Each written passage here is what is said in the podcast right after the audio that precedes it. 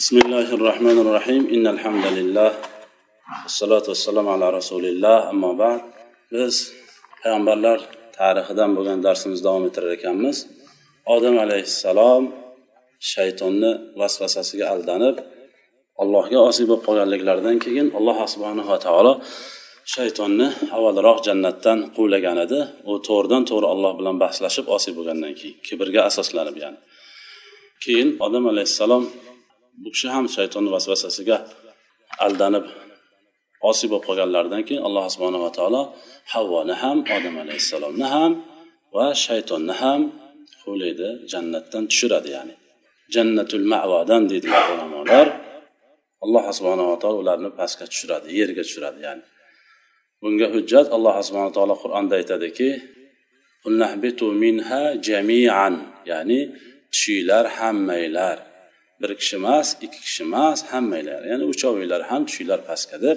alloh taolo buyruq beradi. Odam alayhissalom ham havvo ham va shayton ham yeriga tushishadi odam qayerda tushadi yerni qaysi joyiga?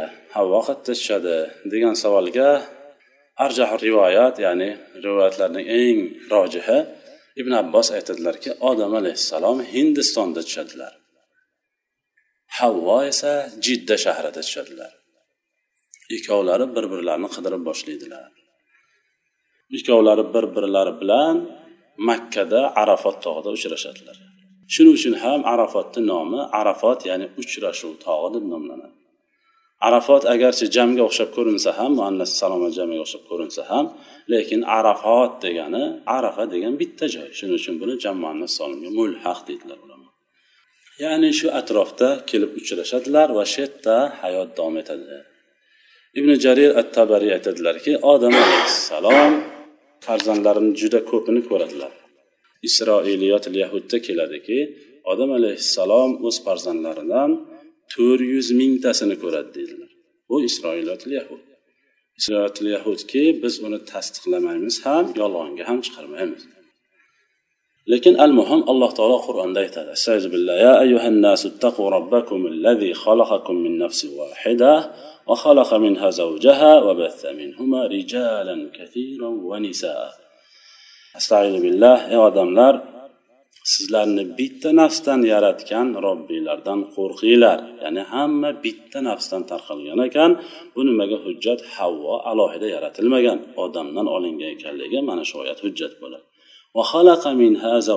tasdig'i kelyaptiki shu nafsdan ayolini ham yaratdi deydi Ikkovidan keyin ko'p ayollaru va erkak kishilarni taratdi deydi yer kurrasi ya'ni bu nimaga hujjat? Ko'p ayollar va erkaklarni taratdi ya'ni odam alayhissalom farzandlaridan juda ko'pini ko'rganliklariga hujjat bo'ladi.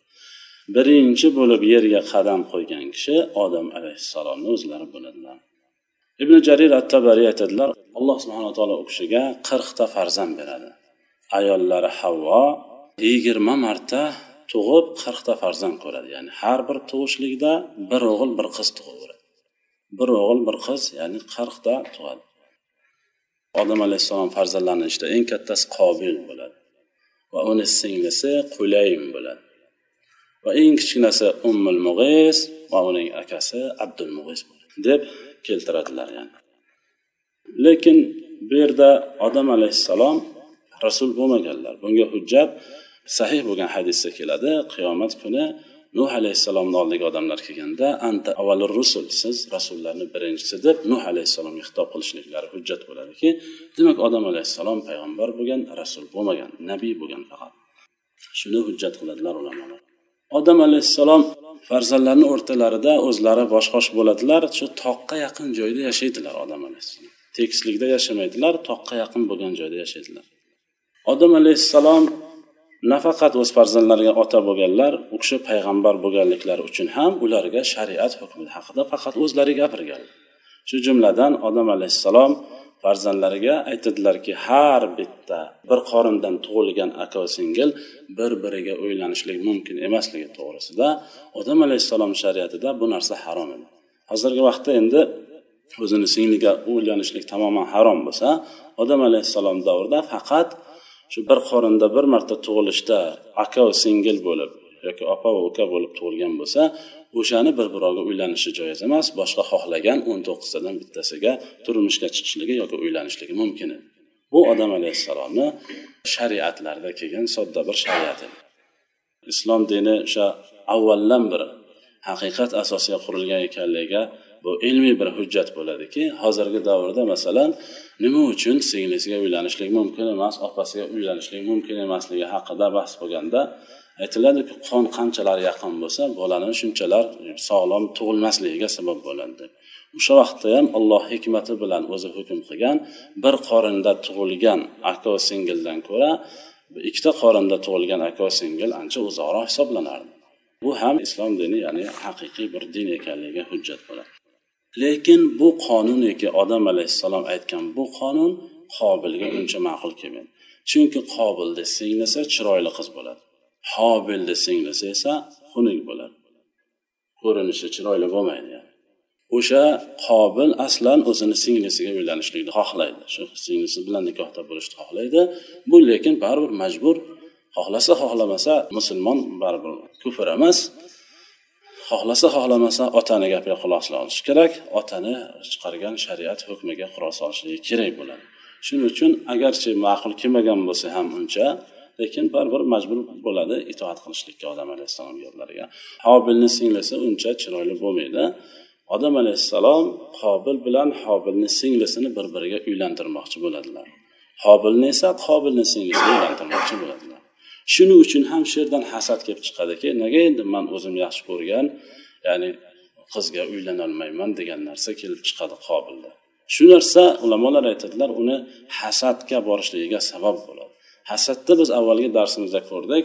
Hasad bilan kibr asosida shayton alloh subhanava taolo bilan ya'ni iloh bilan xudo bilan bahslashishgacha olib borib qo'ygan yomon narsa ekanligini avvalgi darsimizda aytib o'tgan edik.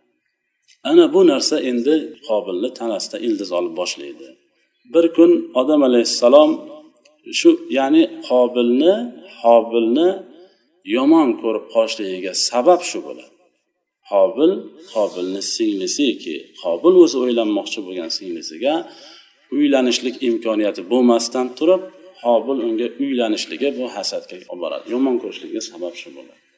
Bu narsa subhanalloh payg'ambar oilasida bo'layotgan narsa odam alayhissalomni oilalarida bo'layotgan narsa. Boshqa oilada buni kuzatishlik mumkin. Ba'zan inson hayron bo'lasan kishi payg'ambarlar oilasida ham shunaqa bo'lishi mumkinmi deyish mumkin. Hatto ba'zilar aytishi mumkinki o'zi shayx bo'lsa masjidni imomi bo'lsa taqvo haqida gapiradi islom haqida gapiradi bolalarni ahvolini qara degan narsa bo'ladi. O'shanday tanqid qilishlik yaxshi emas joiz emas. Chunki hidoyat uni qo'lida bo'lsa ekan u shunday bolalarga taqsimlab bersa mana senga buncha hidoyat. U baribir yo'llashga harakat qiladi har yo'ldan chiqib ketadigan bo'lsa qadarulloh bir kuni odam alayhissalom yana bir shariat qonunini farzandlariga hikoya qilib aytadilarki qurbonlik qilasizlar. Shu jumladan qobil va hobilga aytadilarki sizlar qurbonlik qilishinglar kerak. Qani kimni qurbonligi qabul bo'lishligi haqida ham alloh subhanava taolo hujjat tushiradi. Ya'ni osmondan olov tushib kimni qurbonligini kuydirsa o'sha odamni demak qurbonligi qabul bo'lgan odam hisoblanadi. Shunda qurbonlik qilishadilar. Hobil cho'pon bo'ladi. Cho'ponlik bilan dahmardalik bilan shug'ullanadi. Qobil esa dehqon bo'ladi. Ulamolar aytadilar dehqonlarda ya'ni aslida qobilni o'zi tabiatan qo'polroq dag'alroq odam bo'ladi. Bolalarni orasida shunaqasi bo'ladiku shunga o'xshagan hobil esa muloyim tabiatli odam bo'ladi. Uncha muncha qattiqroq gaplarni ham ko'tarib o'ziga olmasdan o'tib ketadigan bola bo'ladi. Shuning uchun ham odam alayhissalom qobildan ko'ra hobilni qattiqroq yaxshi ko'radi. Undan tashqari qobil ancha ahli taqvolardan bo'ladi. Qobil unday emas. Qobil shuni teskarisi bo'ladi yani. Hobil esa cho'pon bo'ladi. Bilamiz bir yuz yigirma to'rt ming payg'ambarni hammalari cho'pon bo'lishgan hatto rasululloh sollallohu alayhi vasallamki sayyidul mursalin ulul azm payg'ambarlarda ham sayyidi bo'lmish payg'ambar alayhissalom cho'pon bo'lganliklari haqida hadislar bor. O'zlari aytadilar bu to'g'risida. Hatto siz ham cho'ponlik qilganmisiz desa ha man ham cho'ponlik qilganman deydilar payg'ambar alayhissalom. Ya'ni hobil ham cho'ponlik qilgan. Endi bu cho'ponlik qilishlikda albatta hikmatlar bor. Misol uchun qo'y baribir joni bor narsa. U kasal bo'ladi u bir joyi sinadi u misol uchun suv so'raydi non so'raydi don so'raydi deganday o'sha narsaga suv berishlik don berishlik uchun ham insonda qalbida o'sha rahm bo'lishi kerak unga nisbatan. Ya'ni hayvonga qarashlik insonni bir rahmlik bo'lishligiga ham sabab bo'ladi. Payg'ambar alayhissalom ham qo'y boqqanlar shu qo'y boqib keyin kelajakda ummatga boshqonchilik qilganlar. Shunga o'xshab hobil ham misol uchun qo'y boqadi bu kishi ham cho'ponlik qiladi ya'ni tabiati yumshoq odam bo'ladi. Qo'yni boqqan kishilar biladi qo'yni yoki bir chorva mollarini boqishlikka uncha sabri yetmaydi inson. Qurbonlik degani o'zi asli ma'nosi shundayki allohga yaqinlik qilishlik bir narsani hadya qilishlik deydi. Biz qurbonlik qilamiz ya'ni nima uchun? Allohga yaqin bo'lishlik uchun. Endi hobil o'zini chorva mollaridan birini bitta qo'ydi ya'ni alloh uchun hadya qilishligi kerak bo'ladi. Qobilchi qobil o'zini ekin tekinlaridan bittasini olloh uchun ajratib qo'yishligi kerak bo'ladi. Mana shu narsani shunday olib ajratib qo'yadi uni misol uchun ekin tekinni bir narsa qilmaydi qo'yni olib borib so'yadiyu ekin tekinni bir joyga yig'ib qo'yadi o'sha narsani masalan allohga hadya qildim deb o'sha narsani ajratib qo'yish kerak bo'ladi. Hobil o'zi yaxshi zo'r qo'y deb bilganini olib kelib alloh uchun hadya qilib o'shani so'yib bir joyga qo'yib qo'yadi. Qobil esa o'sha ekin tekinlarni ichidan sortirovka qiladida eng chiriganlarini nimalarni baribir tashlab yuboramanku deb olib kelib alloh uchun ajratib qo'yadi. Mana oradan biroz vaqt o'tadi osmondan olov tushib turib qo'yni kuydirib yuboradi. Bo'ysunib kuydirmaydi hech narsa. Shu qanday ajratgan bo'lsa qanaqa chirib yotgan bo'lsa xuddi shunday turaveradi. Buni ertasi kuni ko'radilar hammaga ma'lum kimniki qabul kimniki qabul emas. Bu narsa albatta qabul bo'lmagan odamni yanada jahlini chiqishiga sabab bo'ladi. O'zi aslida shariat hukmi biroz yoqmay turgan edi. Odam alayhissalom aytgan lekin majbur bo'lib itoat qilib turgan edi. Ota bo'lgani uchun payg'ambar bo'lgani uchun xalqni e'tiborini olib lekin bu narsa yanada jahlini qattiqroq chiqishligiga sabab bo'ladi hobilga nisbatan. Nega endi mani ajratgan nima? O'zi e'tibor bermaydi o'zi chirigan narsalarni olib kelib qo'yibdi kim qabul qiladi? Qishloqni raisi ham masalan qabul qilmaydigan bir narsalarni olib kelib qo'yadida nega endi qabul bo'lmaydi deb turaveradi? Boshqasiga o'tmaydi. Hobil esa qabul bo'lib u kishi ha mashaalloh ya'ni taqvoda yanada ziyoda bo'laveradilar. Lekin qobil hatto hasadi ziyodalashib o'zi hobilni singlisi uylanmoqchi edi. U bo'lmadi. Qurbonlikda ajratishdilar. Buniki qabul bo'lmaganligi aniq bo'ldi. Ana hasadi kuchayib shaytonni vasvasi. Shayton ham bekor turmaydiku inson tanasida yugurib yuradi. Shayton vasvasasi bo'lib keyin bir kun qobil qobilga qarab aytadiki man sani o'ldiraman deydi o'ldirishi qanday bo'ladi? Bir kun odam alayhissalom hobildan xavotir oladilar. Hobil cho'pon. Qo'y boqish uchun ketadi doim. Ishi shu ertalab qo'y boqadi kechqurun keladi shunga o'xshagan. Har bir xonadonda inson masalan bir kishi nima ishga ketadi qachon keladi ota onaga ma'lum bu narsa. Xuddi shunga o'xshab hobil qachon kelishligi qay vaqt kelishligi ma'lum bo'ladi. Agar shu vaqtidan o'tib ketib qolsa boshqa ota onalar ham xavotirlaganga o'xshagan. Odam alayhissalom ham bir kuni hobil yani kechikib kelmayverganligi uchun xavotir bo'lib qobilni jo'natib yuboradilar deydilar ba'zi ulamolar. Qobilni jo'natib yuboradilar qobil borib qidiradi. Hobilni qidirsa hobil qo'y boqib ketayotib bir joyga qo'ylar o'tlab tursa qo'y boqqan odamlar yaxshi biladi odam uxlab qolishi ham mumkin. Uxlab qoladi bir joyda. Uxlab qolgan vaqtida ohista borib qaraydida ana endi buni o'ldirishlik payti keldi deb katta xarsang toshni olib kallasiga uradida kallasini majag'lab qo'yadi. Odam alayhissalomni uzunliklarini bilamiz oltmish metr bo'lganlar. Farzand ham shuncha bo'ladi albatta. Endi bir kilo ikki kilo tosh emas u bir tonna ikki tonna toshni olib kallaga urgandan keyin u kalla albatta pachoq bo'lib ketadi. Hobil yotgan joyidan turmaydi o'lik jasadni ko'tarib u yoqqa bu yoqqa yuradi. Birinchi marta inson hayotida bo'layotgan qatl. Inson hayotida bo'layotgan birinchi qatl. Hobildan oldin hech kim birov birovni o'ldirmagan. Ya'ni birinchi marta qatl jarimasini ixtiro qildi qobil yelkasiga tashlaydida hobilda u yoq bu yoqqa yuradi nima qilishni bilmasdan albatta uyga olib kelolmaydi. Otasi bor aka ukalari tanqid qilishligini bunga yopishib ketishligini tashlanib ketib qolishliklarini biladida nima qilishni bilmasdan u yoq bu yoqqa olib yuradi. O'shanda alloh subhanava taolo ikkita qarg'ani jo'natadi. Olib kelib bir joyga u yoqdan bu yoqqa ko'tarib nima qilishni bilmasdan bir joyga qo'yib o'tirgan paytda oldida bir ikkita qarg'a uchib keladida oldida ikkovi xuddi qobil hobilga o'xshab ikkovi bir biri bilan urushib ketadi. Natijada bittasi ikkinchisini o'ldiradi o'ldirilgan qarg'ani yerga ko'madi.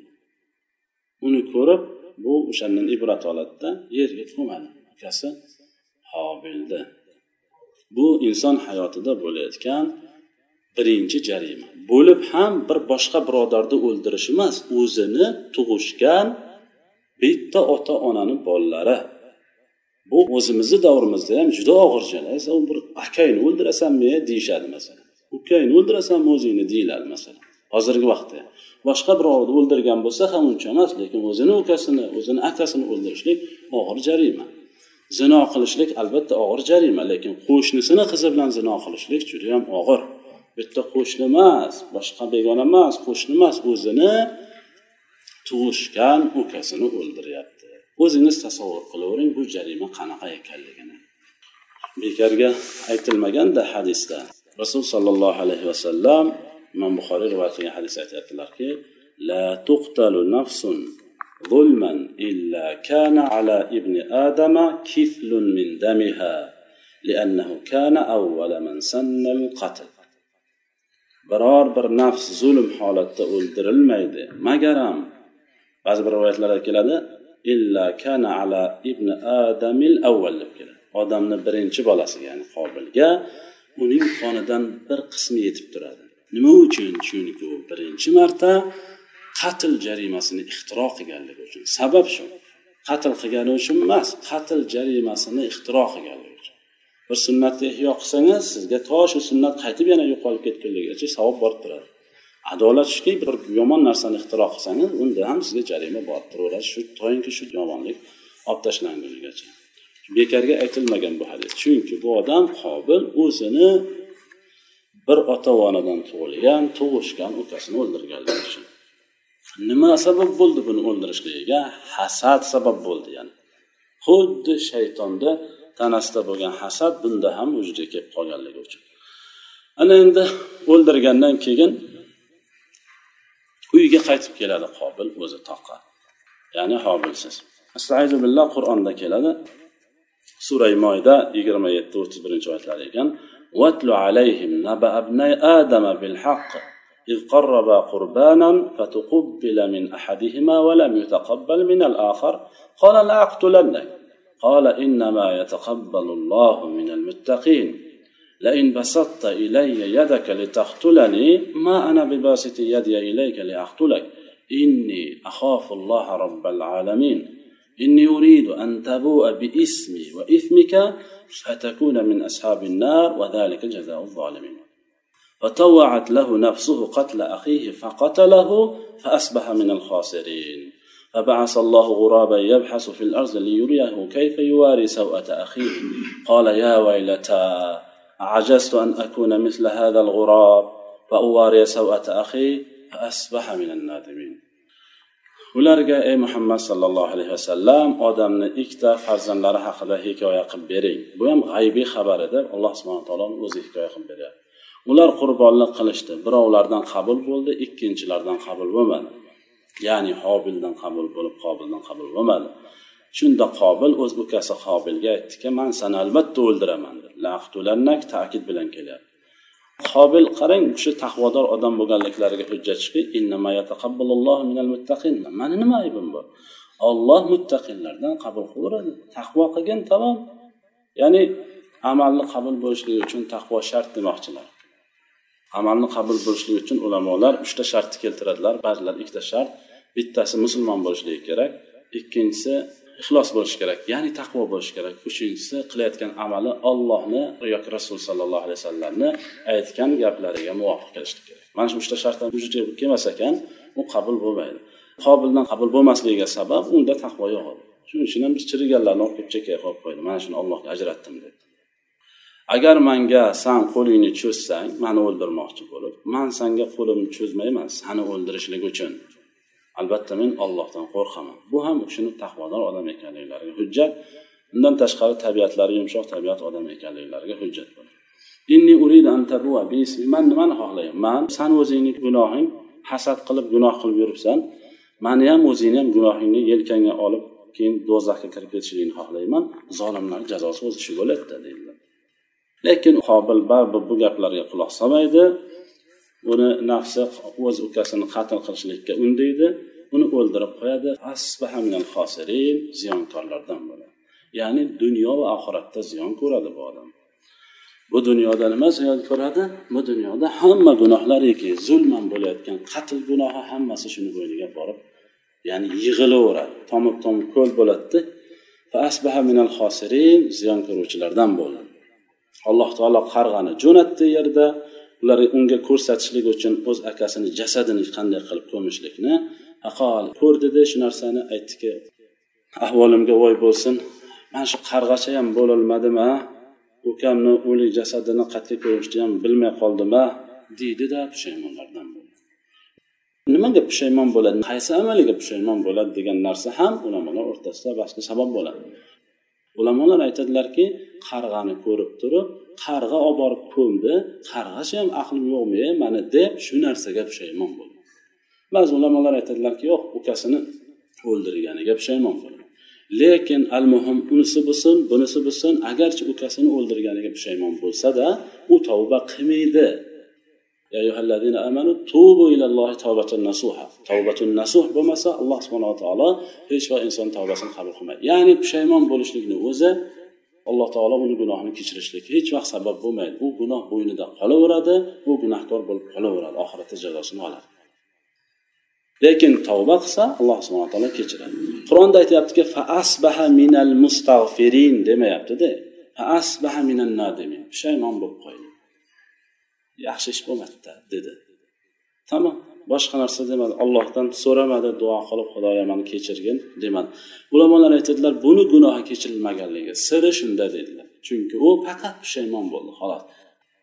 Ba'zi ulamolar aytadilarki allohga osiy bo'lishlikni birinchi bo'lib odam alayhissalom qildilarku degan narsa ham bo'ladi.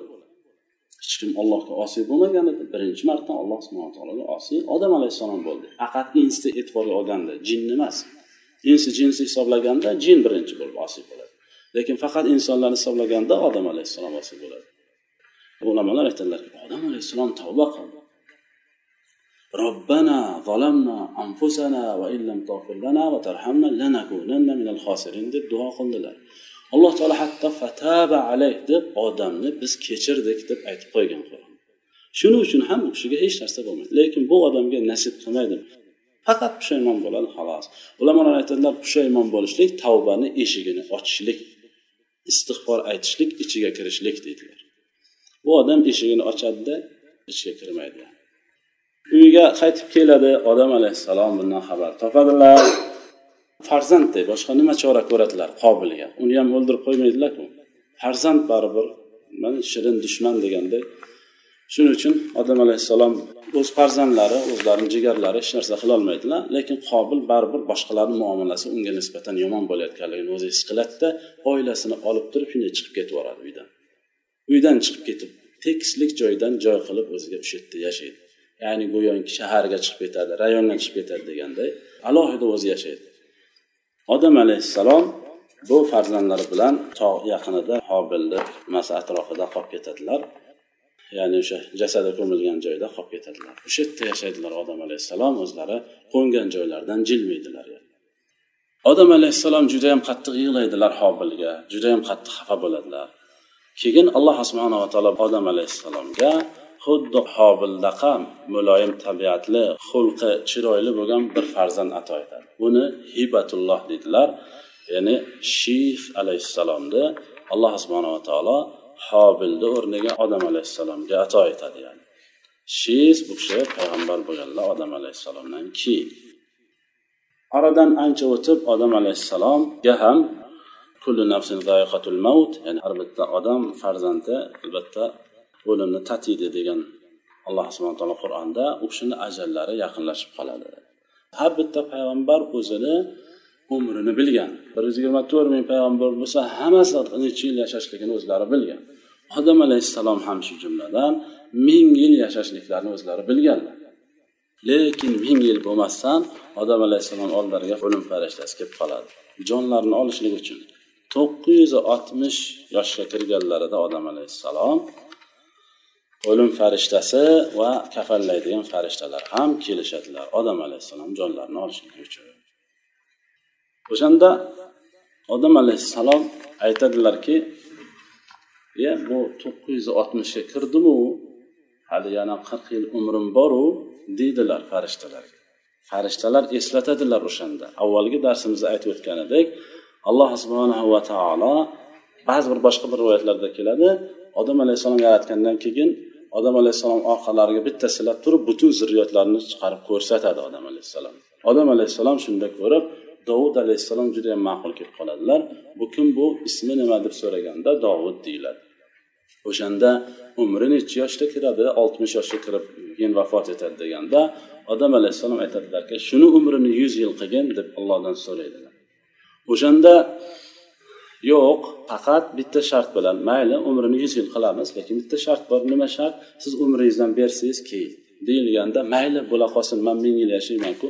To'qqiz yuz oltmish manga yetadi deb qirq yilini odam alayhissalom o'zlarini farzandlari dovudga beradilar. Bu aradan necha yuz yil o'tib ketgan. Shuni farishtalar eslatadi. O'zi kasal bo'lib turgan paytlarida. O'shanda odam alayhissalom aytadilar bitta hadisda kelyaptiki odam alayhissalomni ajali yetgan paytda alloh subhanava taolo malakul mavt farishtasini jo'natdi. Odam alayhissalom mani umrimdan yana qirq yil qolganku barvaqt kelib qoldinglaryu deydilar. Malak farishta aytadiki avalam tu'tiha ibnaka adam? Uni farzandingiz dovudga bermaganmidingiz desa odam alayhissalom nima deydilar? Fajahada zalika fajahadat zurriyatu. Fanasiya fanasiya zurriyatu. Odam alayhissalom inkor qiladilar. Yo'q man unaqa deganim yo'q qayerda aytdim man buni man aytganim yo'q unday dedi. Hadisda kelyaptiki rasululloh sollallohu alayhi vasallam aytyaptilarki odam to'g'ri inkor qildi. Nima uchun inkor qildi? Esdan chiqib ketgan. Biza bir o'n kun oldingi eslolmaymizu to'qqiz yuz qancha yil o'tib ketgan? Necha asr o'tib ketgan narsani eslash qiyinda har qanaqa shayx har qanaqa katta olim bo'lsalar ham. Odam alayhissalom avvalgi darsimizda o'tdik farishtalarni ham lol qoldiradigan darajada ilmlari bor edi. Lekin baribir esdan chiqardilar. Inson so'zini lug'atshunos olimlar aytadilarki inson degani nisyon so'zidan olingan deydilar. Nisyonni arab tilini biladigan odamlar biladi esdan chiqarish degan. Ya'ni sarlavhasi nomini o'zi esdan chiqarish degani bo'lgandan keyin albatta inson esdan chiqarishi ya'ni shuning uchun ham tabiiy deyiladi. Esdan chiqargani uchun odam inkor qildi deydilar payg'ambar alayhissalom. Inkor qildi nima uchun esdan chiqardi? Nima uchun inkor qildi? Xato qilgani uchun esdan xato qilib qo'yib yo'q man unday deganim yo'q deb turaveradilar. Yana bir narsani eslatib o'tmoqchi edim. Rasul sollallohu alayhi vasallam o'zlari haqida. Bir kun payg'ambar sallallohu alayhi vasallam roviy ham ikkilanadi. Asrmidi peshinmidi? degan narsaga to'rt rakatli namoz edi deydilar xulasa to'rt rakatli namoz ya'ni kunduz kuni bo'ladigan to'rt rakatli namoz. Yo peshin asr bo'ladi boshqanisi bo'lmaydi. O'shanda payg'ambar sallallohu alayhi vasallam ikki rakat namoz o'qiydilarda salom beradilar o'tiradilar. Bunday qarab atrofdagilar ko'rishadiki payg'ambar alayhissalom unchalar xushchaqchaq emaslar. O'zi aslida shuni yorishib xushchaqchaq bo'lib turgan paytlarida ham payg'ambar alayhissalomda vaqor haybat bo'lgani uchun hamma ham savol berishlikka jur'at qilavermas bu holatda albatta tabiiyki hech kim savol berolmaydi. O'shanda payg'ambar alayhissalom ikki rakat namoz o'qiydilar ikki tomonga namoz salom beradilar. Asr o'zi bilamiz to'rt rakat peshin ham to'rt rakat. Hamma odatlanib qolgan to'rt rakat o'qishga sahobalar ham ikki tomon salom berib tugatib qo'ysalar sahobalar hayron hech kim savol berolmaydi. Rasulullohga bir qarashadi indamay qo'ya qolishadi. Abu bakr ham shu yerda umar ham shu yerda hamma shu yerda. Lekin hech kim so'rashga botinmaydi. O'shanda bir sahobiylardan bittasi abu zulyadayn deb qo'yar ekanlar payg'ambar alayhissalom. Zulyadayn qo'llik odam. Hammada qo'l bor lekin bitta odamni shuni qo'li bor desa demak u o'sha qo'lida bir gap bor. Yo qo'li uzun yo baquvvat u odamni qo'li uzun ekanda shuning uchun payg'ambar alayhissalom bu odamni aytar ekan zulyadayn der ekan. Zulyadayn jur'at qiladi aytadiki yo rasululloh deydi bu esdan chiqardingizmi? Ikki rakat o'qib salom berib qo'ydingiz yoki vahiy keldimi? Asr namoz bundan keyin to'rt rakat emas ikki rakat o'qilsin degan vahiy keldimi? desa payg'ambar alayhissalom aytadilarki esimdan ham chiqarganim yo'q vahiy ham kelgani yo'q o'shanda hamma hayron bo'ladi. Esdan ham chiqmagan bo'lsa vahiy ham kelmagan bo'lsa to'rt rakat bo'lishi kerakku. Keyin vahiy kelmagan bo'lsa deydi zulyadayn siz esdan chiqaribsiz deydi. Boshqalar jim turgan kishilar ham botinishadi. Payg'ambar alayhissalom zulyadayn gapi to'g'rimi dedilar. O'shanda hamma ishora qilib ha yo rasululloh to'g'ri ikki rakat bo'ldi ikki rakat hamma yoqdan ikki rakat bo'ldi urgandan keyin payg'ambar alayhissalom turib yana ikki rakat o'qib sajda sahv qilib ikki tomonga salom berib tugatadilar. Payg'ambar alayhissalom o'sha yerda aytdilar vahiy ham kelgani yo'q esimdan ham chiqarganim yo'q. Nima uchun esimdan chiqarganim yo'q dedilar? Chunki to'rt rakat o'qidim deb o'ylaganliklari uchun. Esdan chiqardilar xuddi odam alayhissalomga o'xshab. Nima uchun vahiy kelmagan dedilar chunki haqiqatdan ham vahiy kelmagan edi dedilar. Payg'ambar alayhissalom gumonlari bo'yicha to'rt rakat o'qidi unutdilar ya'ni ikki rakatini. Hatto rasul sallallohu alayhi vasallam o'zlari ham unutganliklariga hujjat bu yerda olinadigan foyda shuki shuncha gap bo'ldiku namozni boshqatdan o'qish kerakku degan masala ham ko'tariladi ulamolar o'rtasida. Ya'ni yo rasululloh ikki rakat o'qib qo'ydingiz xato bo'ldi to'rt rakat bo'lmadi vahiy keldimi kelmadimi? Muncha gap bo'lib o'tib ketdi. Payg'ambar alayhissalom xato ham qilganim yo'q. Vahiy ham kelgani yo'q deb bu gaplar bo'ldi. Hamma yoqdan ovoza chiqdi. Yana namoz davom etib ketyapti desa ulamolar joiz dedilar. Ibodat orasida bo'layotgan narsa esdan chiqarish asosiga qurilgan gaplar hatto jumlalar ham namozni buzmaydi davom etaverasiz lekin abu hanifada esdan chiqarsangiz yoki xato qilsangiz namozda tamom buziladi misol uchun ey unday qilma deb yuborsangiz misol uchun bilmay qolib bir kishi yugurib kelayotgan bo'lsa abu hanifada buziladi xolos ikkita harfni o'z ichiga oladigan gapni gapirsangiz buziladi. Lekin boshqa emas mazhabda buzilmaydi chunki bu hadis sahih buxoriyda keladi. Ya'ni bu payg'ambar alayhissalom o'zlarini ham unutishliklariga hujjat bo'ladi. Xulosa odam alayhissalom vafotlari haqida aytadigan bo'lsak mavzudan sal tashqari chiqdik. Odam alayhissalom kasal bo'lib to'shakka yotib qolganliklari vaqtlarida o'g'illarini jo'natib yuboradilar borib manga o'sha jannatul navoda yeb yurgan mevamdan topib kelasizlar dedi. Ya'ni inson kasal bo'lib qolgan paytda injiq bo'lib qoladi hamma narsani so'rashi mumkin. O'shandan topib kelasizlar dedi. Ha endi keksa odam yotibdi kasal bo'lib o'g'illar ham ha topolmasa ham bir aylanib kelish kerak baribir ketadi u kishilar chiqib farzandlar chiqib ketishadi. Yo'lda borayotib bir gala odamga yo'liqishadi o'zlarini aka ukalaridan boshqa odam yo'qku u yoqda hamma bir birovni taniydi. O'shanda odam shaklida kelayotgan farishtalar bo'lishadi. Ular qo'llarida shu mayitni ko'mishlikka taalluqli bo'lgan hamma asbob uskunalarni ko'tarib olishgan bo'ladi. Shunda so'rashadilar u kishilar birinchi savollar qayerqa boryapsizlar? deb so'radilar kimsizlar? deb aytmaydilarda qayerqa boryapsizlar? Biza dadamiz jannatul mavoda yeb yurgan mevalarni xohlab qoldilar. Judayam og'ir kasallar.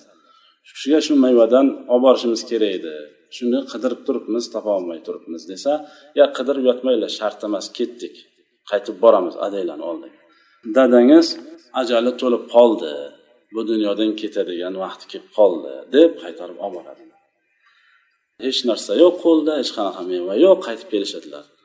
Havvo alayhissalom qarasalar farzandlari bilan boshqa odamlar ham bor darhol sezadilar chunki boshqa dunyoda odam yo'q. Albatta ular farishtalar bo'lishi mumkin. Darhol sezadilarda nima uchun kelganliklarini ham his qiladilar. Aytadilarki alazat bi adam. Odam alayhissalomni oldini oladilar. Yo'q bu odamni jonini olmaysizlar shunda odam alayhissalom aytadilarki kasal bo'lgan holatda ilayki anni yo'ldan qoch deydilar odam alayhissalom. Sani deb shu ahvolga tushganmizku deydi bu sahih deb aytyaptilar isnadu sahih deb.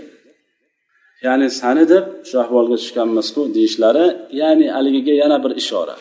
O'zida avval havvo tatib ko'rib mazasini yema degan daraxtni birinchi bo'lib havvo yeydida keyin mazasi yaxshi ekanligini ta'rif qilib odam alayhissalomni shunga tortadi.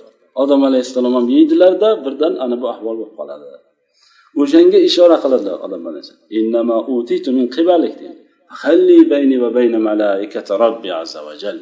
Qo'y man bilan ollohni robbim azza va jallani farishtalarni o'rtasida to'siq bo'lma kelaverishsin deydi keyin kelib وصلوه وكفنوه وحنتوه وحفروا له وألحدوه وصلوا عليه ثم أدخلوه قبره فوضعوه في قبره ثم حصوا عليه ثم قالوا يا بني آدم هذه سنتكم shunday qilib odam alayhissalomni jonini malakul mavt oladi va boshqa farishtalar yordamida ya'ni odam alayhissalom jonlarini olishadilar farishtalar odam alayhissalomni yuvadilar. Odam yuvmagan farishtalar yuvadilar. Farishtalar kafanlaydilar. Farishtalar xushbo'y surtadilar va unga chuqur qazadilar lahat qiladilar. Qabr ikki xil bo'ladida bunday tushishi shaq deydi buni arab tilida to'g'ri qilish. Bunday qilib bu yoqdan olishligi yonidan kavlashligini lahat deydi. Payg'ambar alayhissalom ham nabiy lahu payg'ambar alayhissalom ham manga shaq emas lahat qilinglar man o'lsam deb aytganlar. Payg'ambar alayhissalomga lahat qiling. Ya'ni odam alayhissalomga ham lahat qilib lahatga qo'yishadilar va janozani farishtalar o'qiydilar. Qabrga olib borib farishtalar qo'yadilar. Keyin uni tepasiga tuproq tortadilar.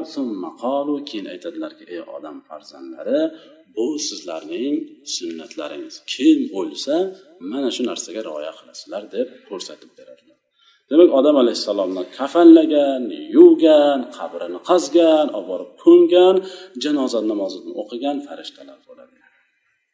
Bir ahli taqvo odam janozamizni o'qisa juda yam xursand bo'lib ketamiz. Odam alayhissalomni farishtalariki la yasunalloha ma amarahum va yafaluna ma yumarun. Ular hech vaqt allohga osiy bo'lmaydilar. Nima buyruq bo'lsa bajaradilar degan farishtalar odam alayhissalomni ko'mib kafanladilar. Bu sizlarni qonunlaringiz dedi birinchi o'lim demak hobilda bo'ladi. Birinchi o'lim odam alayhissalomda emas hobilda bo'ladi. Lekin uni hech kim ko'rmagan. U shunday bor bir joyga ko'mib tashlangan xolos odam alayhissalom shariatga muvofiq olib borib ko'miladi. Odam alayhissalom qayerga ko'miladi deganda har xil gaplar bor. Ba'zi bir nimada makkada ko'milgan degan qabrlari ya'ni odam alayhissalomni makkada ekanligi haqida ishoralar bor ya'ni. Odam alayhissalomdan keyin bir yil o'tib havvo alayhissalom ham dunyodan ko'z yumadilar. Xalq ikki qismga bo'linib qoladi odam alayhissalom vafotidan keyin. Bir qismi ahli shar ular qobil bilan yashashadi ikkinchi qismi ahli xayr ular hobil bilan qolishadilar. Ahli shar va ahli xayr to'g'ri kanannas ummata vahida hammalari bitta ummat bo'lishgan. Ya'ni hammasi e'tiqodi bitta bo'lgan ollohni bitta deb bilishgan. Shirk shu vaqtgacha bo'lmagan.